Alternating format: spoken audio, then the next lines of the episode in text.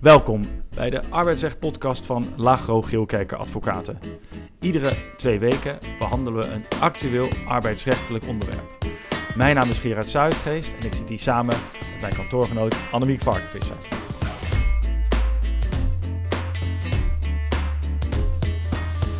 Annemiek, waar gaan we het uh, deze keer over hebben? Vandaag is onze tweede aflevering van het tweeluik ontslag op staande voet.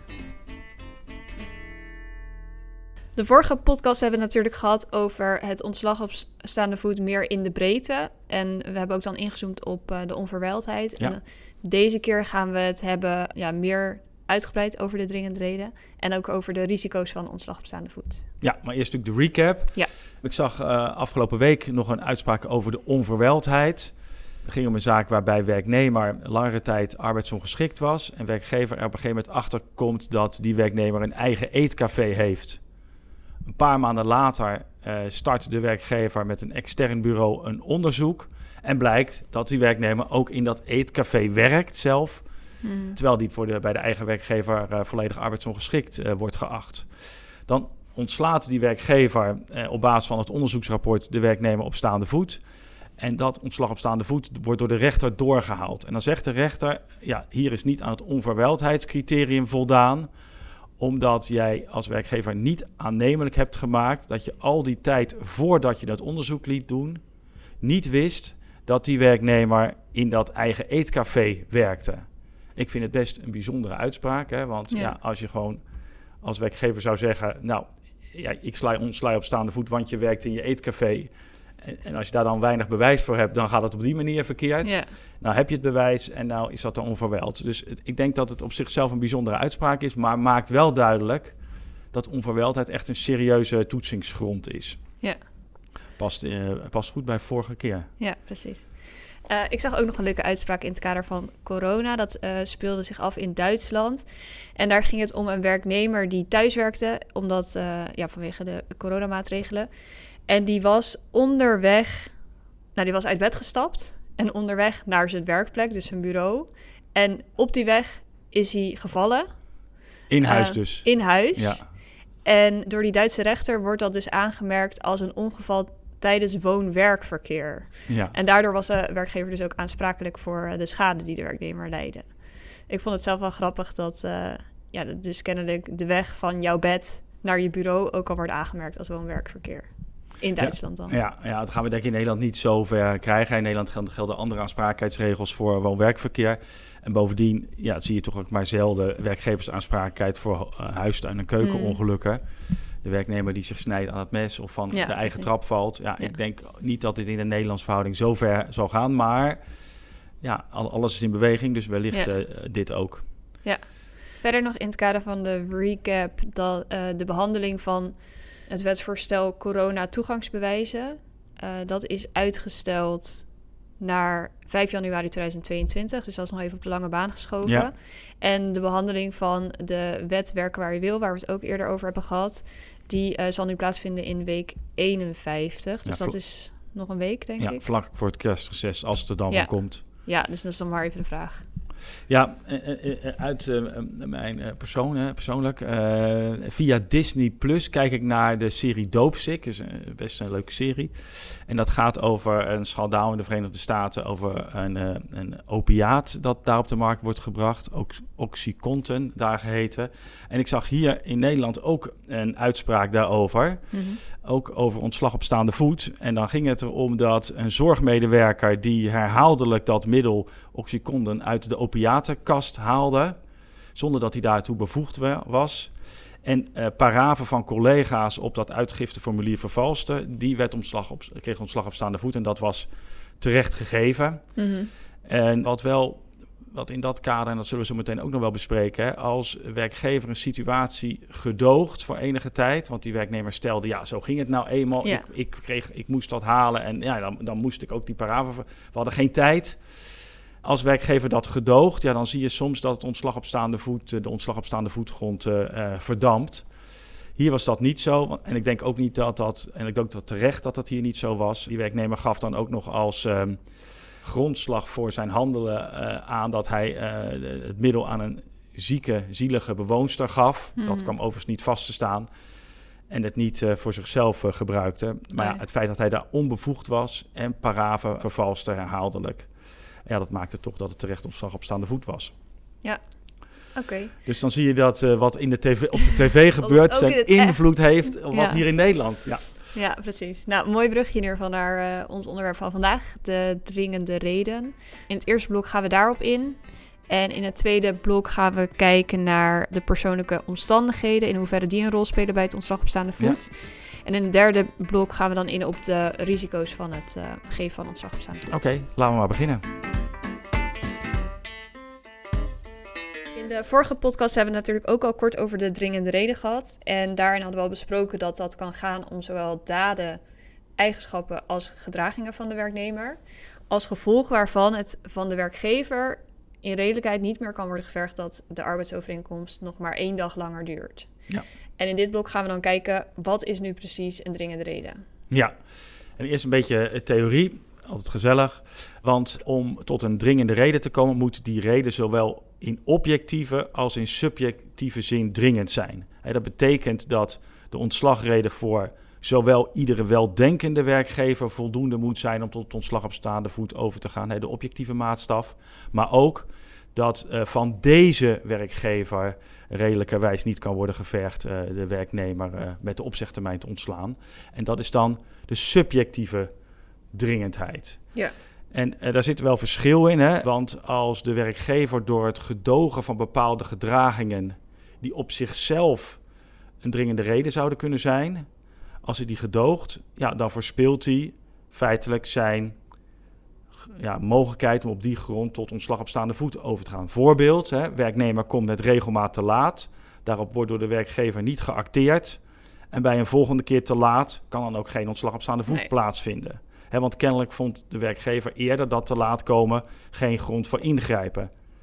En aan de andere kant dus, hè, als die werkgever voldoende had gewaarschuwd en dus niet zou hebben gedoogd, dan zou die werkgever wel duidelijk hebben gemaakt dat deze gedragingen niet toelaatbaar waren. En zou dus wel sprake kunnen zijn van subjectieve dringendheid. Ja, dus het eigen beleid of het eigen handelen van de werkgever, dat heeft invloed op de beoordeling of er sprake is van een Zeker, dringende reden. Zeker. Ja, en de handhaving ook van het beleid. Dus stel, je hebt als werkgever een zero tolerance beleid als het gaat over ehm, drugs of alcohol. Ja. Ik denk eigenlijk dat elke werkgever dat heeft. Maar dan gaat het er ook om dat de werkgever dat ook strikt naleeft en handhaaft. Ja, en uitdraagt. Ja. Ja, dus werknemer moet dat echt wel weten dat dat, dat, dat het beleid van de, van de werkgever is.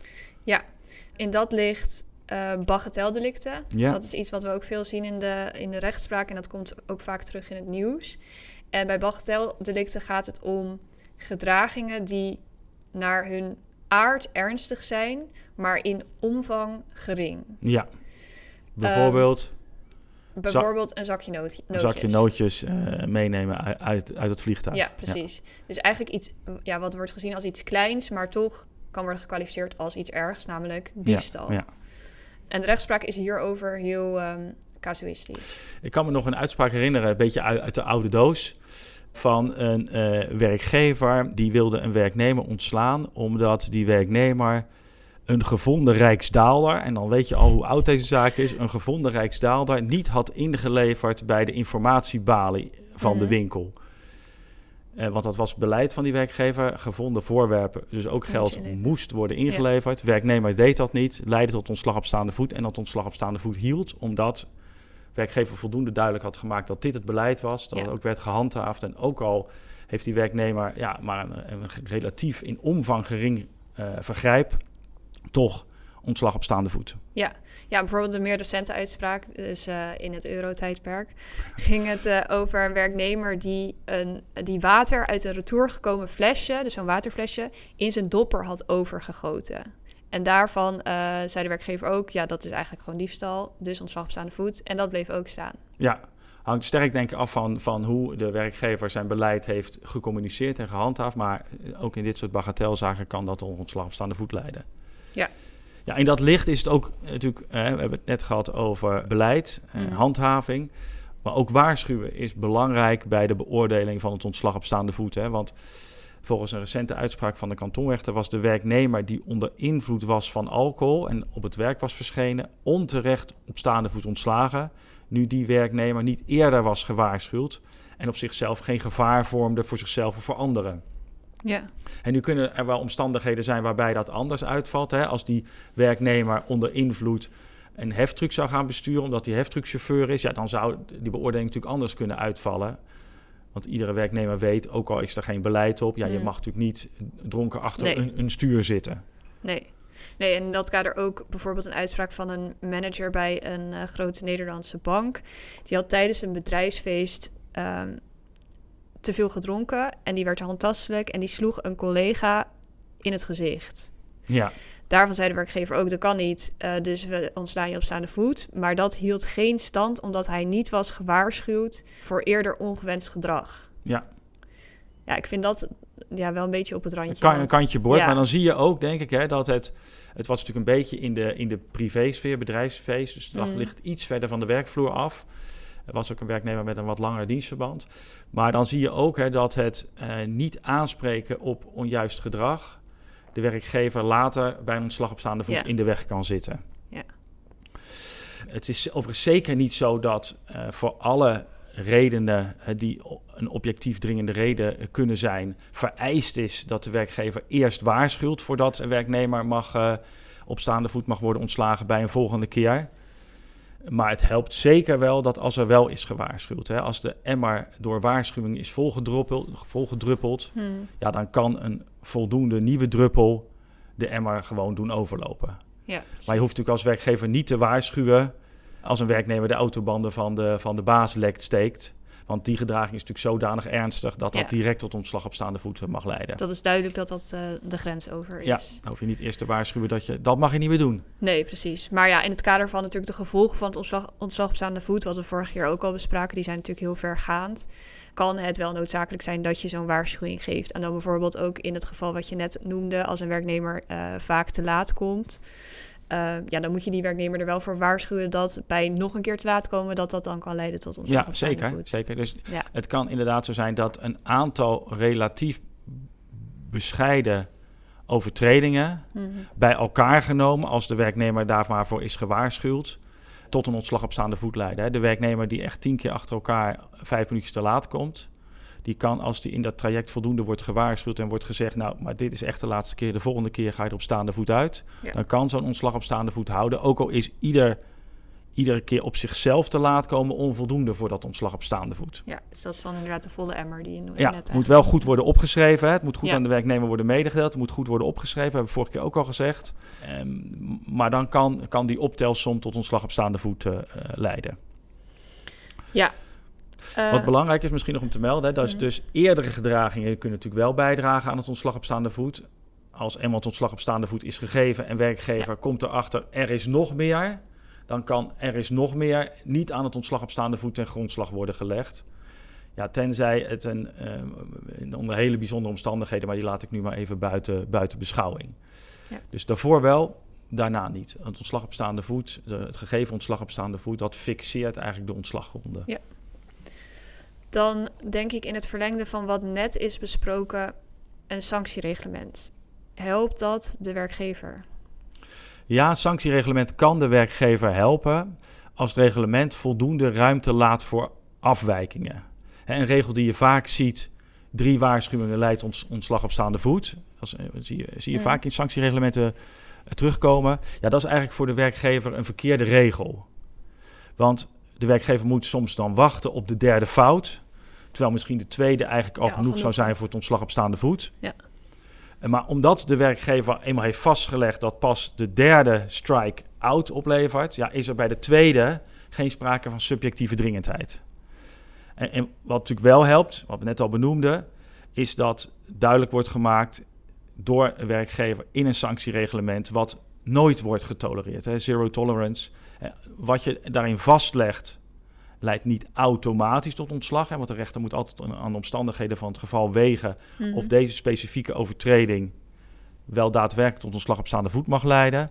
Maar een opgeschreven ontslag op staande voet wordt door een rechter wel, wel meegenomen als, een, als, een, als, een, als, een, als dat als een sanctie is genoemd in zo'n sanctiereglement. Ja. ja, dus een heldere richtlijn en beleid is vaak cruciaal. En het kan geen kwaad dat uh, af en toe vanuit HR wordt gekeken of die richtlijn of dat beleid of dat nog wel adequaat is. Ja. Dan een gedraging in de privésfeer. Dat kan ook tot ontslag op staande voet um, leiden. Ja. Bijvoorbeeld een uitspraak van de Hoge Raad, waarbij een werknemer die werkte bij een hotelketen na een positieve drugstest weigerde om deel te nemen aan een uh, rehabilitatieprogramma. Ja, was volgens mij wel een uh, Antilliaanse zaak. Klopt. Maar, uh, oké. Um... Maar goed, in ieder geval, dat was dus een uh, positieve drugstest die ja. Ja, in haar privé tijd ja, ja. Maar helemaal privé is soms lastig. Hangt ook van de, van de omstandigheden van het geval af. Hè. De, de agent waarbij op zolder een wietplantage wordt uh, aangetroffen. Uh, zuiver in de privésfeer, maar wel de werkvloer raakt natuurlijk. Hmm. Ontslag op staande voet. Vechtpartij tussen twee werknemers. Buiten de poort, buiten werktijd. Kan natuurlijk ook tot ontslag op staande voet leiden. Dus een harde grens is niet te trekken. Maar naarmate iets zich meer in de privésfeer afspeelt en er minder bijzondere omstandigheden zijn, kom je minder snel aan ontslag op staande voet toe. Maar uitgesloten is het zeker niet. Nee. Dan uh, is het eigenlijk nodig dat aan de werknemer een verwijt kan worden gemaakt met betrekking tot de, de dringende reden. Nee, dat, dat is in principe niet nodig. Ontslag op staande voet kan dus ook worden gegeven als de werknemer geen verwijt kan worden gemaakt. Bijvoorbeeld bij een uh, werknemer die een stoel wierp in de richting van de bedrijfsarts. En die arts die liep daarvan, als gevolg daarvan letsel op. En die werknemer had dat natuurlijk wel zelf gedaan, maar die deed dat onder ja, invloed van zijn psychiatrische stoornis. Dus dat ja, kon je de werknemer dan niet echt verwijten, maar toch bleef het ontslag op staande voet staan. Ja, maar je ziet wel, uh, weet ik ook uit eigen ervaring, dat rechters, die persoonlijke omstandigheden komen we straks nog op, op, op, op terug die persoonlijke omstandigheden wel meewegen bij de vraag of sprake is van een dringende reden. En dan niet zozeer in de sfeer is er dan een verwijt, maar wel hè, kleurt het feit dat de werknemer belast is met zo'n stoornis kleurt dat zijn, uh, zijn gedragingen. Mhm. En dat zie je bijvoorbeeld ook veel uh, bij sociale werkplaatsen, hè, waarbij toch soms met, uh, met mensen met een verhaal wordt gewerkt. Ja, daar ligt de lat voor een ontslag op staande voet, hè, die voortvloeit uit de stoornis, toch wel echt, echt heel hoog. Mhm.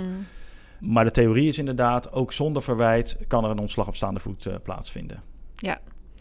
Ja, en uh, in het verlengde daarvan kan dan ook een zieke werknemer ontslag op staande voet krijgen?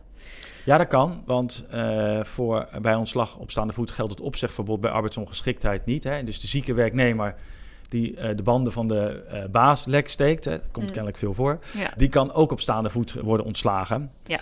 Veel lastiger ligt het bij een ontslag op staande voet als de werknemer onvoldoende meewerkt aan reïntegratie. Hè. Uh, het niet komen bij de bedrijfsarts of niet tijdig starten met de reïntegratie. Die werknemer kan in beginsel niet op staande voet ontslagen worden. Hè, de wet voorziet dan in andere, minder vergaande sancties die de werkgever eerst moet opleggen. Bijvoorbeeld schriftelijk manen tot nakomen van de verplichtingen, het stoppen van de loondoorbetaling, het opschorten van de loonbetaling. En pas als er bijkomende omstandigheden zijn, dan kan ontslag op staande voet aan de orde komen. Bijvoorbeeld de werknemer weigert te werken, maar komt ook herhaaldelijk zonder deugdelijke grond niet uh, op de gemaakte afspraak met werkgever om te komen praten. Mm -hmm. Het nakomen van die afspraak is dan de bijkomende omstandigheid. Ja. En dat kan in combinatie dan leiden tot ontslag op staande voet, maar niet de enkele overtreding van uh, uh, verzuimvoorschriften. Dus nee. wat, wat we in de praktijk dan vaak doen als we voor de werkgever optreden, is proberen om zo'n bijkomende omstandigheid te creëren. Want, want dan, heb je, dan zou je toegangskaartje tot ontslag op staande voet uh, kunnen krijgen. Ja. Dan denk ik tot slot bewijs. Ja. Um, want dat is natuurlijk altijd relevant in een procedure. Wie, wie moet wat bewijzen? Ja, wie moet wat bewijzen? ja. Um, wanneer je een werknemer op staande voet ontslaat, dan ligt de stelplicht en de bewijslast aan de zijde van de werkgever. Dus dat betekent dat de werkgever de aanwezigheid van de dringende reden moet stellen en zo nodig ook bewijzen. Ja. Dat kan natuurlijk best wel een lastige positie zijn. Um, bijvoorbeeld als de werknemer claimt ziek te zijn en dit volgens de werkgever niet zo is, dan moet je als werkgever dus ja, bewijzen dat de werknemer niet ziek is. En dat kan best lastig zijn. Ja, zeker. Um, de feiten en omstandigheden hoeven niet onomstotelijk vast te komen, vast komen te staan, maar de werkgever moet ze wel voldoende aannemelijk maken. Uh, en als de werkgever daar niet in slaagt, ja, dan zal het ontslag op staande voet ook niet in stand blijven. Ja, eens. Nou, even samenvatten. Uh, we hebben onderscheid gemaakt tussen de objectieve dringende reden voor iedere weldenkende werkgever en de subjectieve dringende reden. Geldt die ook voor deze werkgever? We hebben het gehad over gedogen, we hebben het gehad over sanctiereglement, we hebben het gehad over handhaven. Mm we hebben het gehad over ehm, ehm, in hoeverre de werkgever ook waarschuwingen uit, uh, uitvaardigt. En we hebben het uh, gegeven gehad over het bewijsnet. Ja. En dan heb je al met al de dringende reden geconstrueerd. En dan moet je als werkgever altijd nog eventjes kijken: zijn er nou bijzondere persoonlijke omstandigheden aan de zijde van de werknemer die de weging toch weer anders maken? En daar gaan we in blok 2 naar kijken. Ja. Ja, de werkgever moet dus de persoonlijke omstandigheden wegen. Maar wat zijn nou eigenlijk persoonlijke omstandigheden? Ja, er zijn verschillende gezichtspunten die je daarbij uh, moet betrekken. De eerste is de aard van de dienstbetrekking. Dus welke functie de werknemer bekleedt en op welk niveau. Bijvoorbeeld een werknemer die uh, verantwoordelijk is binnen de organisatie voor handhaving van de veiligheid zal eerder op staande voet kunnen worden ontslagen als hij zich dus onveilig gedraagt. Want daarin heeft hij een, uh, een voorbeeldfunctie. Maar ook bijvoorbeeld de vertrouwenspersoon die het vertrouwen misbruikt. Um, en ook een onderwijzer of een agent, die hebben gewoon iets hogere voorbeeldfunctie dan uh, ja, bijvoorbeeld een lopende bandmedewerker. Ja, dus in sommige functies kan ja, de aard van de functie juist een bescherming geven in het kader van de persoonlijke omstandigheden. En in andere functies ja, wordt, het, eh, wordt het juist voor de werknemer gevaarlijker om dezelfde gedraging te vertonen. Leidt eerder tot ontslag op staande voet. Ja, ook relevant zijn de lengte van het dienstverband. Leeftijd zie je ook nog wel eens een enkele keer, maar vooral lengte dienstverband. Hè, want een smetteloos dienstverband van 40 jaar, ja, dat weegt toch vaak zwaar mee om bepaalde gedragingen dan net niet een dringende reden te laten zijn. Er is een beroemd arrest van iemand uh, die bij de HEMA 40 jaar gewerkt had, smetteloos dienstverband, had de dag voor zijn pensionering, ik geloof een liter blik olie, motorolie meegenomen. Nou, dat leidde bij rechtbank en hof tot ontslag op staande voet, maar de Hoge Raad draaide dat met een beroep op de persoonlijke omstandigheden, draaide dat uh, terug. Ja. Dus die uh, smetteloos dienstverband en hoe lang er nog te gaan is tot uh, pensioengerechte leeftijd, dat, dat kan meewegen.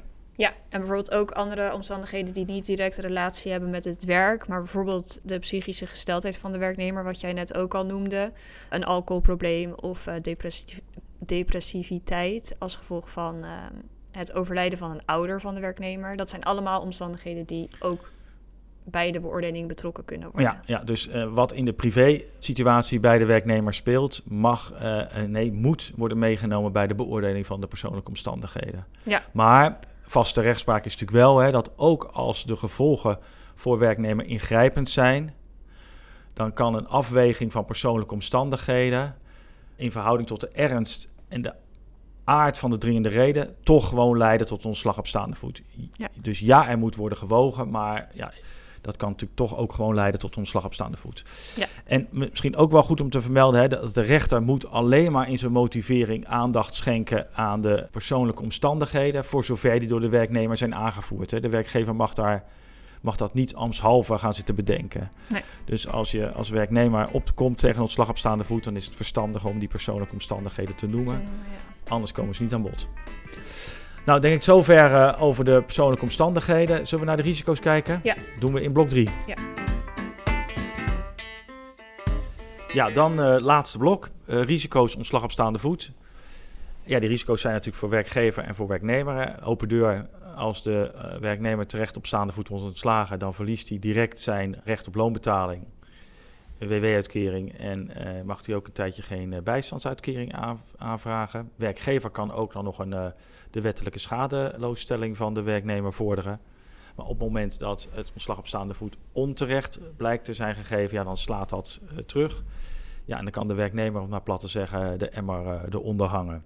Ja, de werknemer kan uh, kiezen tussen twee opties. Die kan of zeggen, nou, ik wil dat de arbeidsovereenkomst wordt, um, of dat het ontslag op voet wordt vernietigd. Dus dat ik gewoon weer terug bij de werkgever mag komen. Ja. Andere optie is, nou, ik berust in het ontslag op staande voet, dus dat blijft gewoon staan. Maar als uh, compensatie daarvan, voor het feit dat dat onterecht is gegeven, wil ik ja, geld, plat gezegd. Ja. Ze kan dan verschillende vergoedingen vragen, waaronder de transitievergoeding.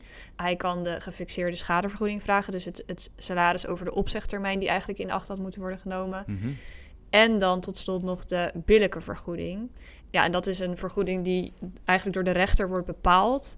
Maar dat wordt, daarbij wordt ja, veelal aangesloten bij de verwachte duur van de arbeidsovereenkomst zonder dat het ontslag op staande voet had plaatsgevonden. Ja, en dan wordt er vaak meestal nog een schepje bovenop gedaan. Hè? Want zo'n billijke vergoeding mag geen punitief karakter hebben, maar mag wel afschrikwekkend zijn. Mhm. En dan zie je dat ook echt wel terugkomen in eh, sommige vergoedingen die worden toegekend. Eh, Ja. Als het de spuigaten uitloopt, dan kan er echt hele serieuze Zeker. eh, extra billijke vergoedingen worden toegekend. Dus dat is iets om mooi op voorhand te realiseren. En naarmate de beschuldiging natuurlijk steviger is, Ja. dan kom je eerder aan een forse billijke vergoeding toe als die beschuldiging echt, echt onjuist blijkt te zijn. Ja. Dan is er nog een bijzondere mengvorm. Hè? Het ontslag op staande voet is terecht gegeven. Nou, jippie zou je dan denken voor de werkgever. Maar dan kan het toch zo zijn dat aan de werknemer de transitievergoeding wordt toegekend. Hè? Want voor het missen van de transitievergoeding is ernstig verwijtbaar handelen nodig aan de zijde van de eh, werknemer. En we hebben eerder gezegd, voor een ontslag op staande voet is geen verwijt nodig. Hè? Dus de werknemer met een, eh, een psychiatrisch complex, ik noem maar even een voorbeeld, die eh, iets heel geks doet waardoor er ontslag op staande voet plaatsvindt. Ja, die zou wel eens eh, zijn recht op transitievergoeding niet kunnen verspelen, Mm. omdat, omdat er geen verwijt is Ja, aan precies. deze werknemer. Dus terecht op slag op staande voet kan toch tot eh, transitievergoeding leiden. Ja. Alright, en waar je, waar je, ik denk, bottom line is, hè, dat waar in de praktijk voor 2015 heel vaak werd gezegd, een, eh, een arbeidszaak begint met een ontslag op staande voet. Eh, eh, we zetten de zaak vanuit werkgeversperspectief goed onder druk door eerst ontslag op staande voet te geven en daarna misschien wel te gaan praten, is, is dat scenario in de huidige situatie, in de huidige we- wettelijke situatie, wel veel riskanter voor de werkgever. Dus ik denk dat veel werkgevers ten opzichte van het verleden terughoudender zouden moeten zijn met het Mhm. geven van ontslag op staande voet. Misschien ook als laatste consequentie goed om te melden dat als er een onterecht ontslag op staande voet is gegeven, dan heeft dat ook effect op de gelding van het concurrentiebeding. Ja. Want bij een onjuist gegeven ontslag op staande voet vervalt het concurrentiebeding. Ja. Dus niet al te lichtvaardig eh, ontslag op staande voet geven. Dat is ook precies de bedoeling eh, van de wetgever. Maar juist die forse risico's aan beide kanten bij een ontslag op staande voet maken misschien wel dat het ja, het leukste en misschien wel het spannendste in ons eh, vakgebied is, vind je De druk niet? zit er altijd op, ja. Ja, ja dus dat vind ik zelf wel heel leuk. Ja. Dat was het denk ik voor vandaag. Ja, De volgende keer gaan wij een eindejaars special doen. special. Een special. En dat houdt in dat we naar alle hoogtepunten van 2021 gaan kijken. Ehm, jullie kunnen ons natuurlijk volgen, liken, abonneren, subscriben, Duimpjes omhoog. duimpjes omhoog, allemaal. Ehm, ja, en bedankt voor het luisteren. Ja, tot de volgende keer.